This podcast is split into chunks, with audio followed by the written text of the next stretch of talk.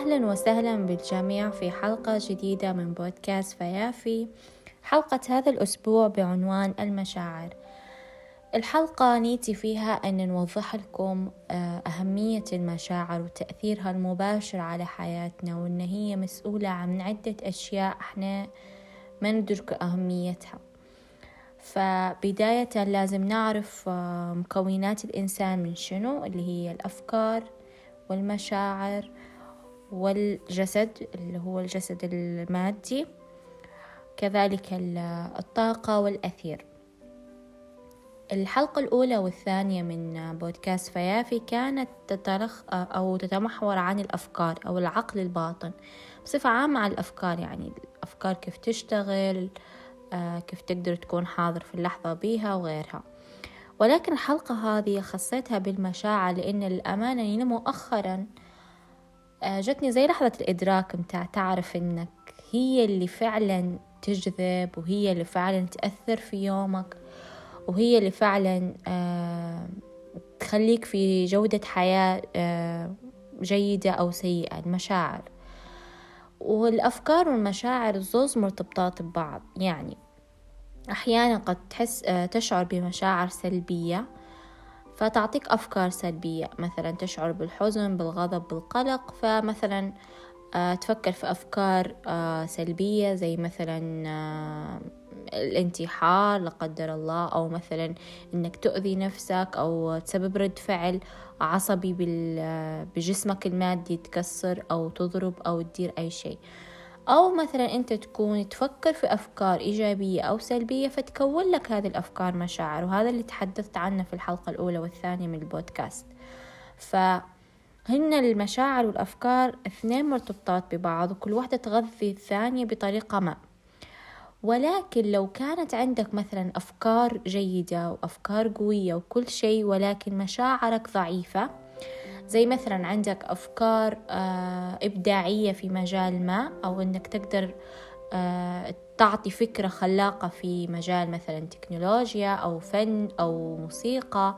ولكن مشاعرك عندك مشاعر عدم الثقة بالنفس عندك مشاعر خوف عندك مشاعر مثلا قلق فما تقدر توصل الفكرة متاعتك بالشكل المطلوب فأحيانا إن خدمتك على المشاعر تخليك بعدين الأفكار تجيك لا إراديا يعني والعكس مرات صحيح يعني مرات خدمتك على الأفكار تعطيك مشاعر جيدة.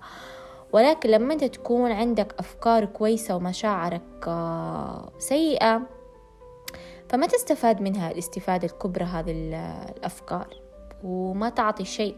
يعني مثلا معظم الناس اللي عندها أفكار عظيمة استفادت منها كل البشرية لما كانت عندها مشاعر ثقة بالنفس مصاحبة ليها وتقدر تطلع آه، فكرتها هذه للناس كافة.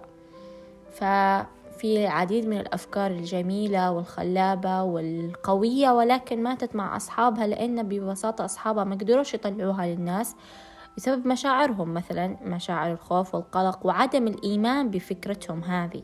فهو حتى الإيمان من المشاعر. فالجسم المادي اللي هو إحنا نقدر نلمسه اليد والجسم اليد والرجل والرأس وغيره هذا كله جسم مادي. آه، اللي بعده طول ممكن الفك الجسم المشاعري اللي هو المشاعر تأثر طول في الجسم المادي. مثلا لما أنت تفكر في فكرة سلبية تعطيك مشاعر سلبية حتدير رد فعل سلبي. يعني لو جاتك فكرة, فكرة سيئة حتعطيك مشاعر مثلا قلق أو غضب أو حسد أو غيرة فتدير رد فعل مادي تكسر شيء أو تغضب على حد بانفعال يعني تدير رد فعل مادي قوي. والعكس صحيح يعني لما تكون عندك أفكار إيجابية مثلا أو أفكار فرحة أه تحس بمشاعر أه فرحة فتكون رد فعل أه مادي مليء بالبهجة. يعني مثلا رقص أو إنك تمشي بسرعة أو تقفز أو أي رد فعل يكون مصاحب لهذه المشاعر اللي أنت تحس بها الجسم الطاقي أو الطاقة الموضوع يبي له يعني حلقة خاصة به وموضوع عميق جدا. ونيكولا تسلا هو أول من شرح موضوع الطاقة بشكل يعني حسب ما شفت حتى في العديد من في العديد من حلقات على تيد في اليوتيوب كانت تتلخص عن كيف نيكولا تسلا هو أكثر حد قدر يشرح موضوع الطاقة والترددات وحتى على قانون الجذب والأشياء هذه يعني يشرحها بشكل فيزيائي منطقي يعني تقدر توصل بيه وتفهمه ال... إن كل شيء في الكون يهتز وكل شيء في الكون يتحرك. وكل حركة عندها تردد كل شيء عنده تردد. الأصوات عندها تردد آه عندها الألوان عندها تردد الأفكار عندها تردد المشاعر عندها تردد. كل شيء في حياتنا عبارة عن شيء يهتز وكل شيء يهتز له تردد يعني هذا قانون فيزيائي بحت. وتقدر تستنبط منه أن بما أن كل شيء يهتز عنده تردد وبما أن مشاعرنا جزء من هذا الشيء فلما تحس أنت بمشاعر إيجابية فتكون أنت دائما على التردد المرتفع. كل ما كنت أنت في تردد مرتفع كل ما جاتك حاجات في حياتك أنت تبيها بكل يسر وسهولة. والعكس لما أنت تكون تفكر مثلا في مشاعر في أفكار سلبية وتحس بعدين بمشاعر سلبية فمعناها أنت قاعد على تردد منخفض والتردد المنخفض. هذا حيجذب لك أشياء من نفس التردد هذا. يعني لو كنت أنت تشعر بداخلك مثلا اتجاه المال آه، من مشاعر ندرة. يعني إن المال لا يتوفر دائما مشاعر فقر مشاعر آه، المشاعر الندرة الخاصة بالمال. يعني إن الماد المال شيء نادر ولا يوجد وديما إنك أنت تحس إنه شيء صعب. فحيجيك فعلا أفكار ومشاعر بخصوص المال من نفس هذا التردد. فحيجيك الأموال بشكل أصعب. حيكثروا في حياتك مثلا الناس آه، اللي ما عندها مال. وهكذا يعني. كل شيء في الحياة عبارة عن ترددات. فكل ما تشعر به على حسب أنت شعورك. في تردد مرتفع أو في تردد منخفض حتجذب أو حيجيك في حياتك من نفس الأشياء أو بنفس المشاعر هذه. ثاني شيء إن إحنا المشاعر عندنا نوعين مشاعر عاطفية ومشاعر مادية. المشاعر المادية هي المادية اللي هي مثلا لما جيت تقرب لنار آه، وتحس بالحرارة متاعها فتحسها بجسمك المادي. أو مثلا تلمس جسم شديد البرودة مثل الثلج فتشعر بالبرودة هذه فهذا استشعار مادي. في مشاعر عاطفية اللي هي مشاعر تشعر بها من الداخل. ما تقدر تلمسها أنه تقول هذه برودة أو هذه مشاعر نقصد عاطفية مثل الحزن مثل الفرح مثل البهجة مثل الغضب الحسد وغيرها. هذه كلها مشاعر ما تقدر تلمسها فهي مشاعر عاطفية. فتتكون مشاعر بصفة عامة مشاعر مادية مشاعر عاطفية. المشاعر هي عبارة عن رسل. رسلها الله سبحانه وتعالى. تفهم بي يعني الله ليش أساسا حط فينا مشاعر؟ يعني الإنسان ليش وضع فيه مشاعر؟ المشاعر هي رسل. لما أنت تشعر بشعور معين فخلف هذا الشعور في رسالة. لازم تعرف الغرض من رسالة هذا الشعور. مثلا أنت عندك فجأة قاعد في مكان وفجأة شعرت بمشاعر غم أو مشاعر حزن أو مشاعر غضب. فجأة شعرت بهذا الشيء. لازم ما تستهين بهذا الشيء وتفوت يعني آه، أو آه، تستغفر نفسك وتفتح حاجة أو تلهى فيها. لازم تعرف الغرض من هذا الشعور شنو. يعني لو أنك شعرت بغضب ممكن تشوف إن في أشياء من الماضي متراكمة كنت أنت قاعد غاضب عليها وما عالجتها فتطلع لك هذه المشاعر إن لازم تعالجها. كل شعور عنده رسالة. فسبحان الله إن يعني آه، فكرة إن الرسل موجودة إلى يوم القيامة مش بس في الأنبياء أو في اللي الله بعثهم مش الرسل البشرية فقط وإنما حتى المشاعر تعتبر من الرسل اللي الله أرسلها. لينا حتى نعرف الغرض من المشاعر هذه يعني تفهم منها شيء فتحسن من جودة حياتك أكثر. فلازم تعرف رسالة الشعور وكيف تعرف أو خطوات معرفة رسالة الشعور أول شيء بإدراكه إنك تدرك إن في شعور. لو كنت دائما تسرح أو كثير السرحان أو كثير متشتت آه، ما تقعدش مع نفسك بتاتا بروحك بدون social media أو بدون ما تسمع لحد أو بدون تلفزيون أو بدون ما تفتح اليوتيوب. يعني فرصة إنك أنت تقعد أو تجلس مع نفسك بروحك ما فيه لما هذا التأمل والأشياء هذه وسيلتها إنك أنت تكون مع نفسك لحتى تفهم نفسك حتطلع لك فيها خلال التأمل أفكار ومشاعر. لما تكثر من الأشياء من التأمل حتفهم الغرض من هذه الأفكار من هذه المشاعر.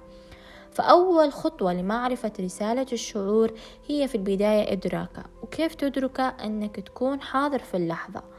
كيف تكون حاضر في اللحظة؟ يعني تكون هنا والآن عن طريق أنك مثلا تفعل آه، تنبيهات في جهازك بحيث إنك أنت بين فترات معينة في اليوم ترسل آه، تنبيه انك تكون حاضر في هذه اللحظة بحيث إنك أنت تستشعر النفس اللي أنت قاعد تتنفس به آه، بحيث إنك أنت مثلا تشوف للمكان اللي أنت قاعد فيه تعد الأشياء الموجودة فيها تشوف للأشياء بتركيز بدون يعني تكون مركز ذهنيا وشعوريا في الحاجات اللي أنت موجودة جنبك.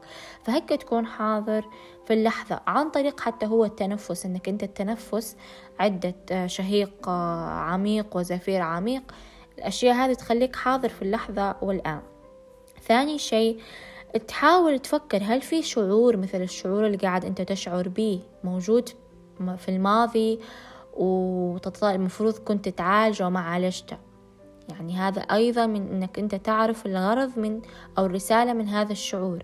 أنك أنت مثلا فجأة دائما الفترة الأخيرة مثلا تشعر بحزن وما في شيء واضح مثلا أنك أنت حزين بسببه. فتقعد تفكر إن ممكن أنت في الفترة الماضية كنت تشعر بهذا الشعور اللي هو شعور الحزن. وما عالجته يعني. مثلا صارت لك آه، صدمة أو صارت لك فقد فجأة أو كذا وما كنت قادر إنك أنت تكون وتفضفض هذاك الشعور في هذاك في هذه اللحظة يعني في تلك اللحظة بحيث إنك تبكي أو مثلا آه تفضفض لحد بسببه أو أنت حتى تكتب بينك وبين نفسك.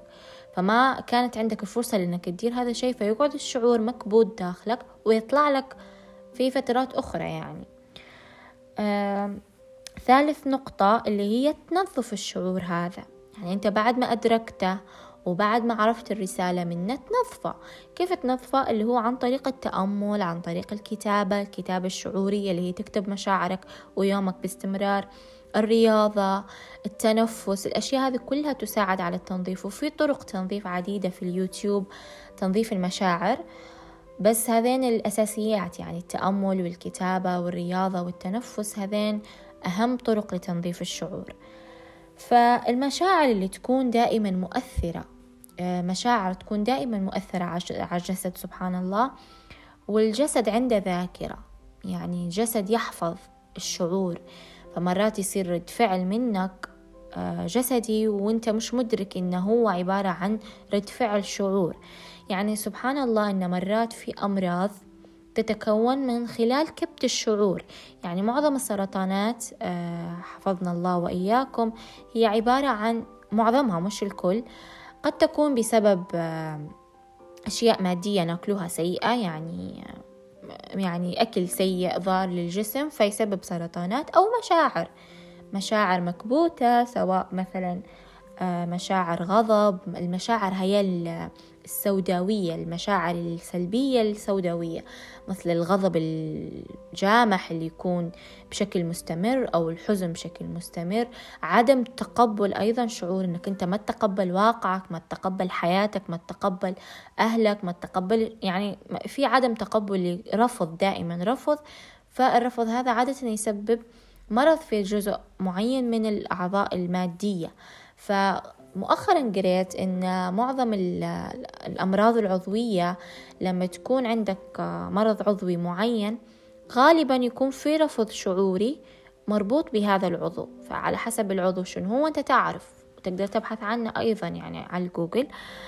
فمعظم المشاعر اللي على ذات تردد منخفض مثل الحسد والغضب والحزن والقلق وغيرها لما تكون بشكل مستمر يوميا يوميا يوميا بشكل متكرر تسبب لك أمراض وتسبب حوادث فجائية تسبب سكتات قلبية فجأة تسبب حتى مرات الموت الفجأة. يعني فجأة يلقوا شخص كان عادي ولكن مثلا قد تسبب انتحار تسبب أشياء زي هذه المشاعر اللي على تردد منخفض.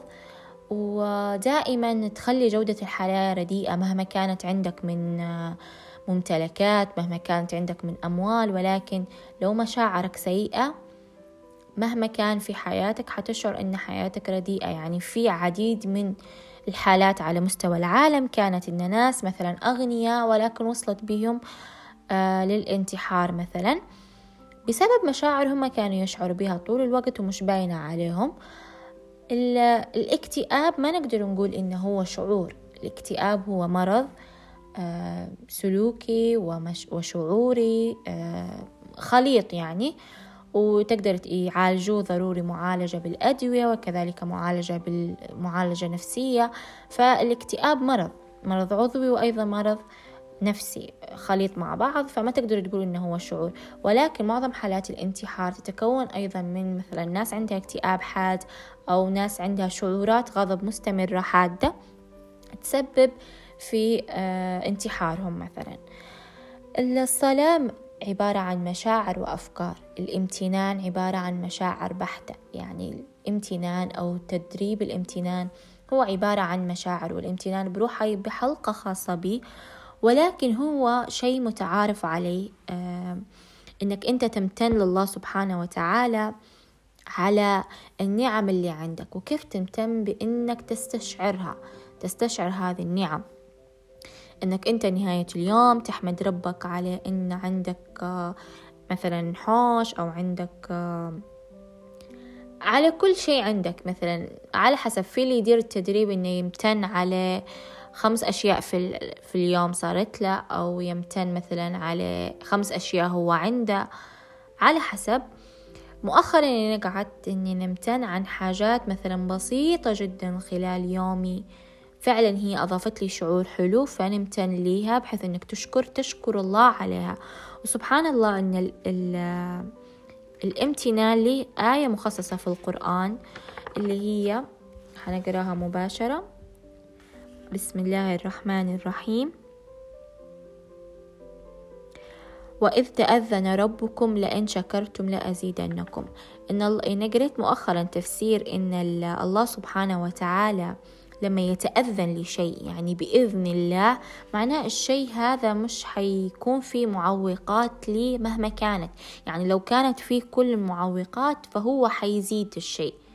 يعني لو أنت شكرت الله على شيء حيزيدك منه مهما كنت تشوف في معوقات خلاله. يعني مثلا لو امتنيت على المال اللي أنت قاعد عندك واستشعرت فعلا فضل الله وشكرت عليه حيزيدك من هذا المال مهما أنت كنت في حالة فقر مهما استشعرت إنك عشت في هذا الشعور بشكل مستمر في وحدين يقول إنك تعيش فيه مفروض شعور هواه الامتنان إنك تعيش على مشاعر.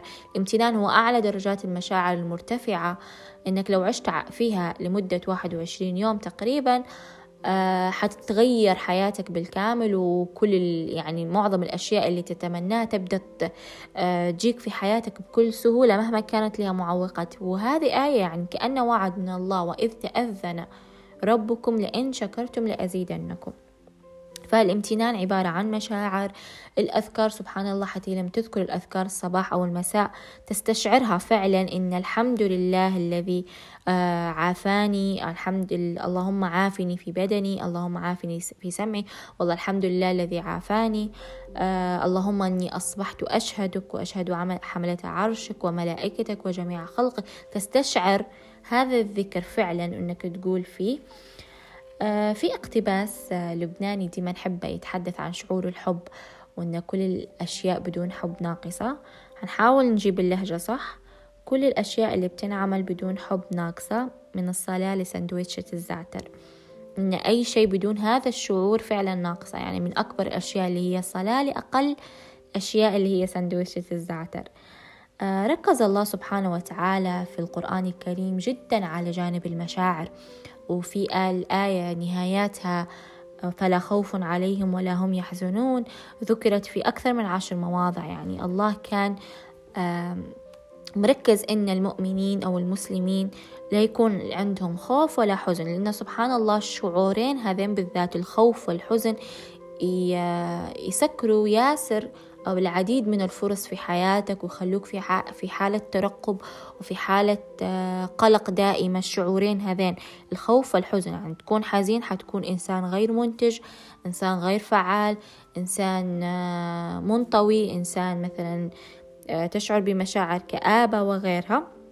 والخوف نفس الشيء إنه يسكر عليك العديد من الفرص تكون قدامك ولكن أنت مديرها بسبب إنك خايف. يعني سبحان الله حتى الفوبيا مثلا في ناس عندها فوبيا من القطط فوبيا من الارتفاعات فوبيا من البحر. الفوبيا لما أنت تتخلص منها مهما كانت يعني مثلا حد عنده فوبيا من الارتفاعات فيقرر إنه يجرب إنه ينط من أعلى مكان ويجرب التجربة هذه سبحان الله دنيا آه، ويا العديد من الناس إن هي تقول بعد ما جربت تخلصت من فوبيا معينة فتحت فرص قدامها في مجالات هي كانت تحلم بها ما كانت تعرف إن الخوف كان مسكر هذه الفرص مع أن مرات الموضوعين مش مربوطين ببعض ولكن إنه هو شعور الخوف لا إراديا يسكر لك حاجات أنت مانك مركز إن هي متسكرة بسبب فوبيا معينة أو خوف معين. فسبحان الله وهذا يعني يخليك إنك تركز إن ليش في القرآن الكريم معظم الآيات اللي فيها مواساة لشخص أو آه فلا خوف عليهم ولا هم يحزنون. في سورة القصص لما أم سيدنا موسى كانت بتحطه في اليم لما هو صغير بتحطه في, في اليم. فالآية بحد ذاتها بسم الله الرحمن الرحيم. وأوحينا إلى أم موسى أن أرضعيه فإذا خفت عليه فألقيه في اليم. ولا تخافي ولا تحزني إن ردوه إليك وجعلوه من المرسلين. إن أكد لها ولا تخافي ولا تحزني. الأمرين هذين مربوطين ببعض. حتى في سورة مريم. آه، بسم الله الرحمن الرحيم. فأجاءها المخاض إلى جذع النخلة. قالت يا ليتني مت قبل هذا وكنت نسيا منسيا. فناداها من تحتها ألا تحزني. قد جعل ربك من تحتك سرية يعني سبحان الله أن هي في هذا الموضع في المخاض وفي الإجهاد المادي الجسدي والإجهاد المعنوي قال لها ألا تحزني. فسبحان الله يعني الله سبحانه وتعالى مركز في القرآن الكريم جدا على جانب المشاعر. معظم الأشياء اللي أستعاذ منها أو نهانا عنها هي شعورات زي شعورات الحزن شعورات شعور الحسد الغضب الشعورات هذه اللي سيئة كان لها يعني جانب كبير في القرآن الكريم. في آه، في سورة الأنبياء في سورة الأنبياء قصة آه، سيدنا يونس. قصة سيدنا يونس من القصص اللي نحبها لأنها سبحان الله تقدر تفهمها في وقته هو في وقت سيدنا يونس وتقدر تسقطها عليك في وقتنا توا في آه، في أي زمان ومكان. سبحان الله أن القرآن الكريم فعلا كتاب صالح لكل زمان ومكان. ومش كتاب تاريخ تقدر إنك أنت مش كتاب تاريخ إنك أنت تقرأ قصة فهي صارت في هذاك العصر معناه إحنا مش حنستفيد منها.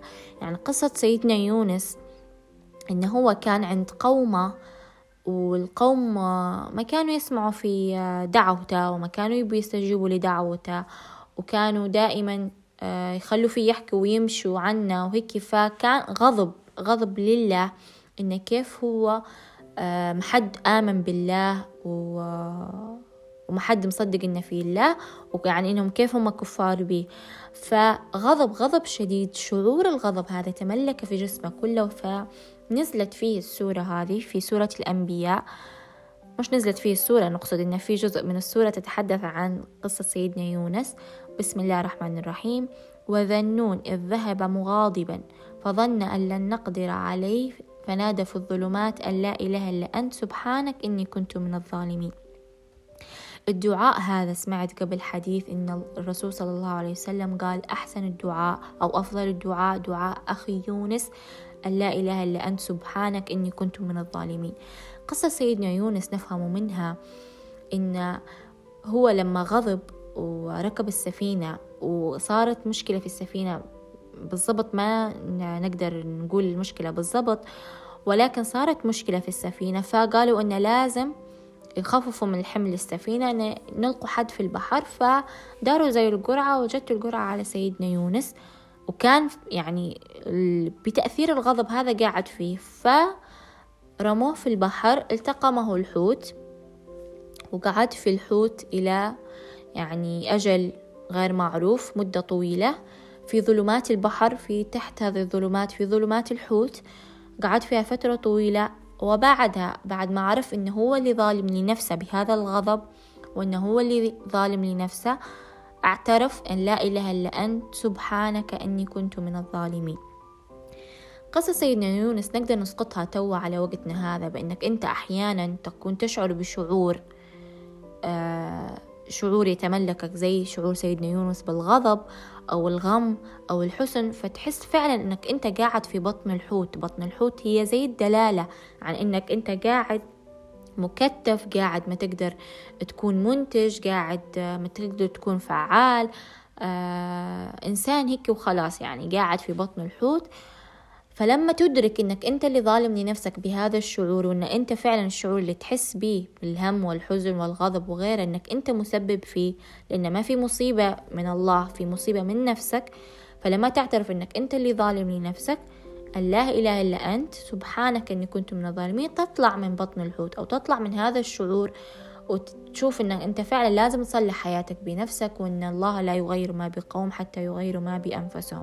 فقصة سيدنا يونس ديما نحب نسقطها عليه آه لما نحس إن إني بشعور معين إني إني فعلا قاعدة في بطن الحوت. لأمتى بتقرر تقعد فيها هذه البطن؟ ممكن كم يوم ساعات شهور أي على حسب. فالشعور فعلا تقدر يكون هو آه تقدر يعني الشعور قد يكون بطن حوت في وقتنا هذا يعني دلالة. وسبحان الله تركيز الله سبحانه وتعالى على المشاعر كانت حتى في قصة في عهد النبي صلى الله عليه وسلم. كان جالس النبي صلى الله عليه وسلم جنب آه، بجانب آه، أحد كفار قريش. وكان الكافر يعني من كفار قريش يعني ليه مكانة في هذاك الزمان. يعني كانت شخصية مهمة يعني كيف ما نقدر نقوله توا فكان يقنع فيه إنه يدخل الإسلام أو هم في محاورة إنه هو يتحدث آه يتحدثوا في كيف إنه هو يدخل للإسلام المهم إن هي القصة إن الرسول صلى الله عليه وسلم كان جنب هذا الكافر وكانوا في حوار في حوار. فجاء في هذا في هذا الوقت أعمى آه يسأل النبي صلى الله عليه وسلم في أمر آخر. والأعمى ما شاف إنه هو جنب حد أو كان مع حد. فالرسول صلى الله عليه وسلم عبس في وجه الأعمى ويعني كأنه توا مش توقيتك أو توا الوقت مش وقت إنه هو فعلا كان في خاضم حديث مهم. ومع هذا قاعد الأعمى مصر على إنه يكمل كلامه. فنزلت سورة عبسة في هذا الأمر عتابا لطيفا للرسول صلى الله عليه وسلم إنه كيف يعبس في وجه أعمى. بسم الله الرحمن الرحيم. عبس وتولى أن جاءه الأعمى وما يدريك لعله يزكى. أو يذكر فتنفعه الذكرى أما من استغنى فأنت له تصدى. وما عليك ألا يزكى. وأما من جاءك يسعى وهو يخشى فأنت عنه تلهى. كلا إنها تذكرة. صدق الله العظيم. صدق الله العظيم. فسبحان الله إن نزلت سورة بدايتها عتاب للرسول صلى الله عليه وسلم. على هذا الأعمى إنه كيف يعبس في وجهه مع إنه ما شاف الأعمى. ولا عرف إنه هو دار هيك ولكن آه، لأهمية المشاعر ولأهمية الله سبحانه وتعالى للمشاعر كيف إن هي عظيمة إنك أنت ما تعبسش حتى في وجه أعمى. فسبحان الله. آه، حتى في سورة البقرة قلنا اهبطوا بسم الله الرحمن الرحيم قلنا اهبطوا منها جميعا فإما يأتينكم مني هدى فمن تبع هداي فلا خوف عليهم ولا هم يحزنون. هذه من ضمن الآيات اللي كانت فيها فلا خوف عليهم ولا هم يحزنون. لو اتبعت هدى الله فحتحقق الأمر هذا. أه سبحان الله. لو أه فلو إنك تبي توجه يومك بمشاعر معينة مثلا في تبي تعيش اليوم مشاعر بهجة تبي تعيش اليوم مشاعر اندهاش تبي تعيش مشاعر سلام داخلي تبي تعيش مشاعر رضا فرح أي نوع من المشاعر ننصح إنك تكتب في الصباح لما تنوض من نومك تكتب أنا اليوم سأشعر بمشاعر كذا وكذا تحدد نوع المشاعر. فأنت من لما تنوض الصبح تحدد في أول دقايق من لما تنوض الصبح يعني ممكن أول عشر دقايق أو ربع ساعة. توجه يومك لهذه المشاعر تبي تشعر اليوم بمشاعر الوفرة إن الكون مليء بالوفرة مليء المال لا تنفذ الماء المياه لا تنفذ الكون مليء بكل شيء بال بالوفرة يعني بصفة عامة. لو تبي توجه يومك أو لو تبي تفهم نفسك ننصح بالكتابة في الليل. تكتب شعورك اللي شعرت به خلال اليوم في الليل قبل ترقد وهيك حتى تكون مدرك في هذيك اللحظة لشن المشاعر اللي تكررت شن حسيت وتحاول تعالجها كيف ما قلنا فهم رسالة الشعور قبل شوي. فهذين شيئين. لو تبي توجه يومك بمشاعر معينة تبدأ كتابة صباحية. ولو تبي آه، تفهم نفسك تكتب في الليل آه، كتابة شعورية ليلا. ولو تبي الزوز عادي. يعني تبي توجه يومك بمشاعر معينة وتبي تفهم نفسك في نفس في نفس الوقت تقدر تدير الزوز. كتابة صبح وكتابة ليل. شعور البهجة شعور الاندهاش شعور الوفرة شعورات هذه تخليك على تردد جدا مرتفع. وتخليك في سلام داخلي أكثر ورضا أكثر وحياتك حتتغير بهذه المشاعر. يعني شعور البهجة اللي هو زي الصغار أو الاندهاش لما الصغار عندهم الشعور هذا لأنهم هم يعتبروا قاعدين كتلة خام من المشاعر قاعدة مع زال ما شعرت بالمشاعر السلبية. يعني سبحان الله الجنين أو الطفل الرضيع أول شيء يشعر به المشاعر. لا يشعر ب يعني مرات ما يفهمك ولا ولا يفهمك شنو تقول ولا شيء لكن يحس بأمة مثلا لو إن هي تحس بمشاعر غضب اتجاهها أو مثلا مشاعر إن هي تعبانة أو شيء أو في العديد من الفيديوهات يجيبوا فيهن لطفل رضيع ويكون قدامه أمة بيبكي الوجه عابس وحزين فهو يشعر إن هي حزينة فيبكي. أو العكس تدي له هيك آه، تعابير مفرحة فيفرح. فأول شيء يشعر به سبحان الله هو المشاعر. فمشاعر البهجة تقدر تجيبها في يومك عن طريق مثلا لقاء بالأصدقاء تدير شيء أنت تستمتع به هواية معينة أو إنك تنجز حاجة معينة فيعطيك شعور البهجة. شعور الاندهاش اللي هو اللي عند الأطفال يندهشوا أبسط حاجة من أبسط شيء مهما كان. يعني مرات غبي الشيء اللي هم يندهشوا منه ولكن خليهم فرحانين وخليهم هيك في هذا الشعور. شعور الاندهاش جدا شعور مش واخد حقه. لما مثلا تندهش إنك أنت الشمس خشت للحجرة تندهش إن مثلا عندك الحاجة الفلانية هواه تست... قاعد توقظ شعور الاندهاش. شعور الوفرة تجاه الكون إن الكون مليء بكل شيء آه، تبيه فما في داعي للقلق ما في داعي لأنك تفعل شعور الوفرة. في حاجة اسمها نمط المشاعر. الحلقة نحاول نخليها مختصرة عن المشاعر بصفة عامة وبعدين أنت تقدر تبحث عن كل جانب حكيت منه أكثر وتتعمق فيه. في حاجة اسمها نمط المشاعر. إن مشاعر معينة صارت في خلال صدمة معينة وأنت تجاهلتها بكرة حكيت عنها شوي. مشاعر صارت بعد صدمة معينة وأنت تجاهلت هذه المشاعر ف... وعشت حياتك. فتظهر بعد مدة في نفس التوقيت من هذا الوقت. إن الأمانة لو جاء قبل حكالي حد ما كنتش حركز أو حكنت نقول لا لا مستحيل تصير. ولكن لأنها عن تجربة شخصية وإن شيء بحثت فيه شخصيا قبل أساسا نعرف الحلقة هذه. إن أصلا من الشيء هذا عرفت أهمية المشاعر ومن بعدها قررت إن ندير الحلقة هذه. المشاعر آه، في 2019 آه، صار معايا موقف. آه، إنه جدي الله يرحمه ويغفر له توفى. فكانت في مشاعر حزن. في نفس الفترة هذه متاعت الوفاة صار موقف آخر سبب لي مشاعر أخرى حزن. ولكن ما عالجتها في هذا الوقت لأن هي كانت مشاعر حزن وخوف يعني الزوز. فما عالجتها في هذاك الوقت.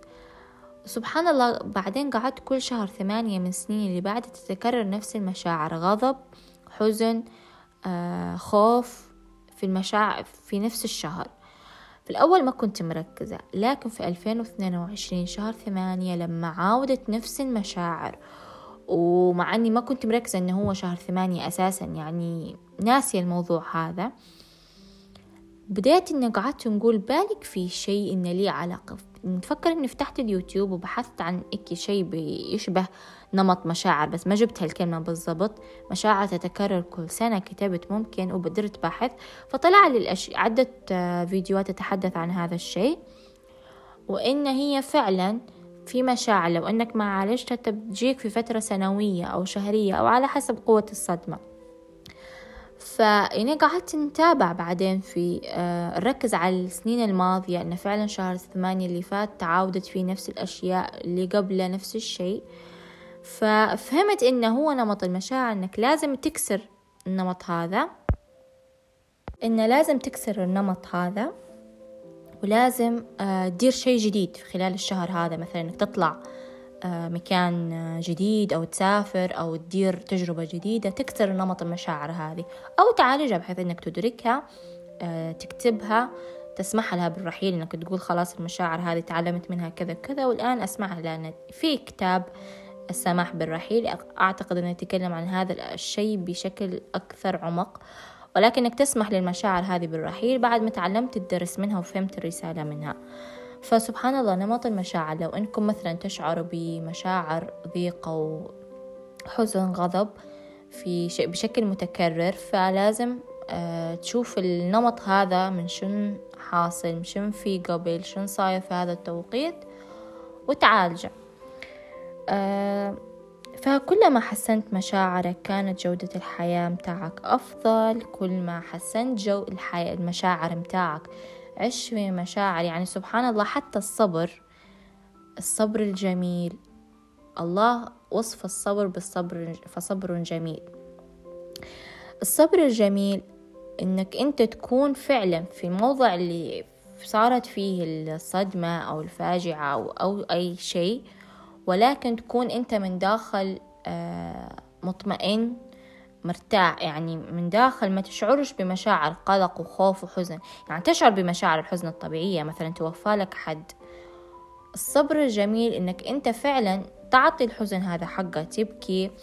لكن مش بكاء مثلا آه، إنك أنت يكون بجهل يعني تدير تصرفات جاهلية. لا تبكي تفضفض آه، حيطول معاك المشاعر هذه على حسب آه، قرب الشخص المتوفي. الصبر الجميل إنك أنت عارف خلال أنت هذه قاعد تعيش في المشاعر هذه انه هو مثلا قاعد في مكان أحسن إن الله ألطف بيه منا إحنا إنك من داخل إن هذه سنة الحياة. يعني تكون من داخل عارف الشعورات هذه ومرتاح فيها ومطمن. يعني داخليا الصبر الجميل يوصف به حالة الإنسان من الداخل. يعني إنه هو قاعد يشعر بحزن وكل شيء ولكن الحزن المعتدل اللي اللي تتطلبه هذه الفاجعة مثلا فقد الشخص هو. فحتى الصبر الجميل هو عبارة عن مشاعر متزنة خلال الحزن. وكل شيء آه، ليه مشاعر متطرفة يعني مثلا الشجاعة التطرف منها التهور يعني كنت تكون متهور. والأقل منها أنك أنت مثلا تكون خائف أو غير جريء أو غير فيه فيه صور تحدد الحاجات هذه. فكل شيء في كل شعور يكون متزن. في عنده تطرف لليمين وفي عنده تطرف لليسار. فكلما عشت مشاعر متزنة مش حسنت جودة المشاعر اللي أنت تشعر بيها. يعني لو أنك أنت دائما حاس بمشاعر سلبية تدرس كل شعور تحس بيه تكتبه تفككه تعرف الأصل متاعه.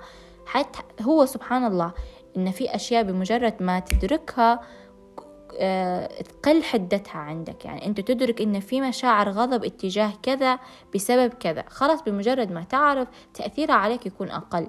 إن بعد تأثيرها على أفكارك يكون أقل. إنك أفكارك خلاص زبطت إن آه صارت لي المشاعر هذه بسبب كذا بسبب كذا. فخلاص إنك أنت تشد الأفكار هذه زي كأنك تحاور نفسك بها عادي يعني إن إناه مش حنشعر بالمشاعر هذه لأن ببساطة صار وصار وصار وصار. فخلاص تتغير هي بمجرد ما أنت تجربها مرة حتعرف إن هي تقدر تغيرها يعني مش شيء صعب. مش بالتكرار حت حتنجح يعني. حتى التوكيدات اللي يجيروا فيها في الصباح مثلا أنا أشعر بكذا والله أنا كذا. مثلا أنا جميلة أنا ذكية أنا لو إنك ما درتها بدون شعور تستشعر إنك أنت فعلا جميل وإنك أنت فعلا ذكي وإنك أنت فعلا آه، غني أو أي شيء فما لها فايدة يعني. فحتى التوكيدات لازم تستشعر هذا الشعور بالجمال بالغنى بالوفرة بالكذا. فتجيك المشاعر هذه العقل اللاواعي يصدقها بأنك أنت فعلا تشعر هيك يوم عن يوم. كلامك تأثر على أفكارك أفكارك تأثر على مشاعرك ومشاعرك تأثر على حياتك مباشرة. فوعد مني كلما حسنت, جودة حياتك آه، جودة مشاعرك تحسنت جودة حياتك. ونتمنى الحلقة هذه فادتكم بصفة عامة عن المشاعر لأنها بجد موضوع جدا جدا جدا مهم ويأثر مباشرة على حياتك وعلى حياة المحيطين بيك. على نفسيتك و... وكل ما يعني بحثت أكثر ب... أنت بشكل مثلا عندك شعور متكرر أنت حاسة تحاول تبحث عنه بشكل آه، جدي أكثر. واليوتيوب معبى يعني فيديوهات وناس تحكي في جميع أنواع المشاعر يعني وعد مني إنك حتلقى شعورك بالضبط شنو. حنحط محتوى خاص بالمشاعر بعد آه بعد ما ننزل الحلقة إن شاء الله. حيكون محتوى على الفيسبوك على صفحة البودكاست على الفيسبوك وصفحة بودكاست فيافي على الإنستغرام. حيكون حتفهموا منا مشاعركم أكثر. محتوى خاص بالمشاعر بصفة عامة. فيا دي المشاعر فعلا يعني تأثر بصفة عامة على حياتك. وصلنا لنهاية الحلقة. يا رب تكون حلقة نافعة لكم ولو شوي. ويومكم لطيف وخفيف وجميل يا رب مهما كنتوا تسمعوا في الحلقة سواء في الصباح في المساء أو قبل ترقدوا أو يوم الجمعة. يومكم بصفة عامة يا رب يكون جميل وشكرا لاستماعكم و... وأفهموا مشاعركم. شكرا.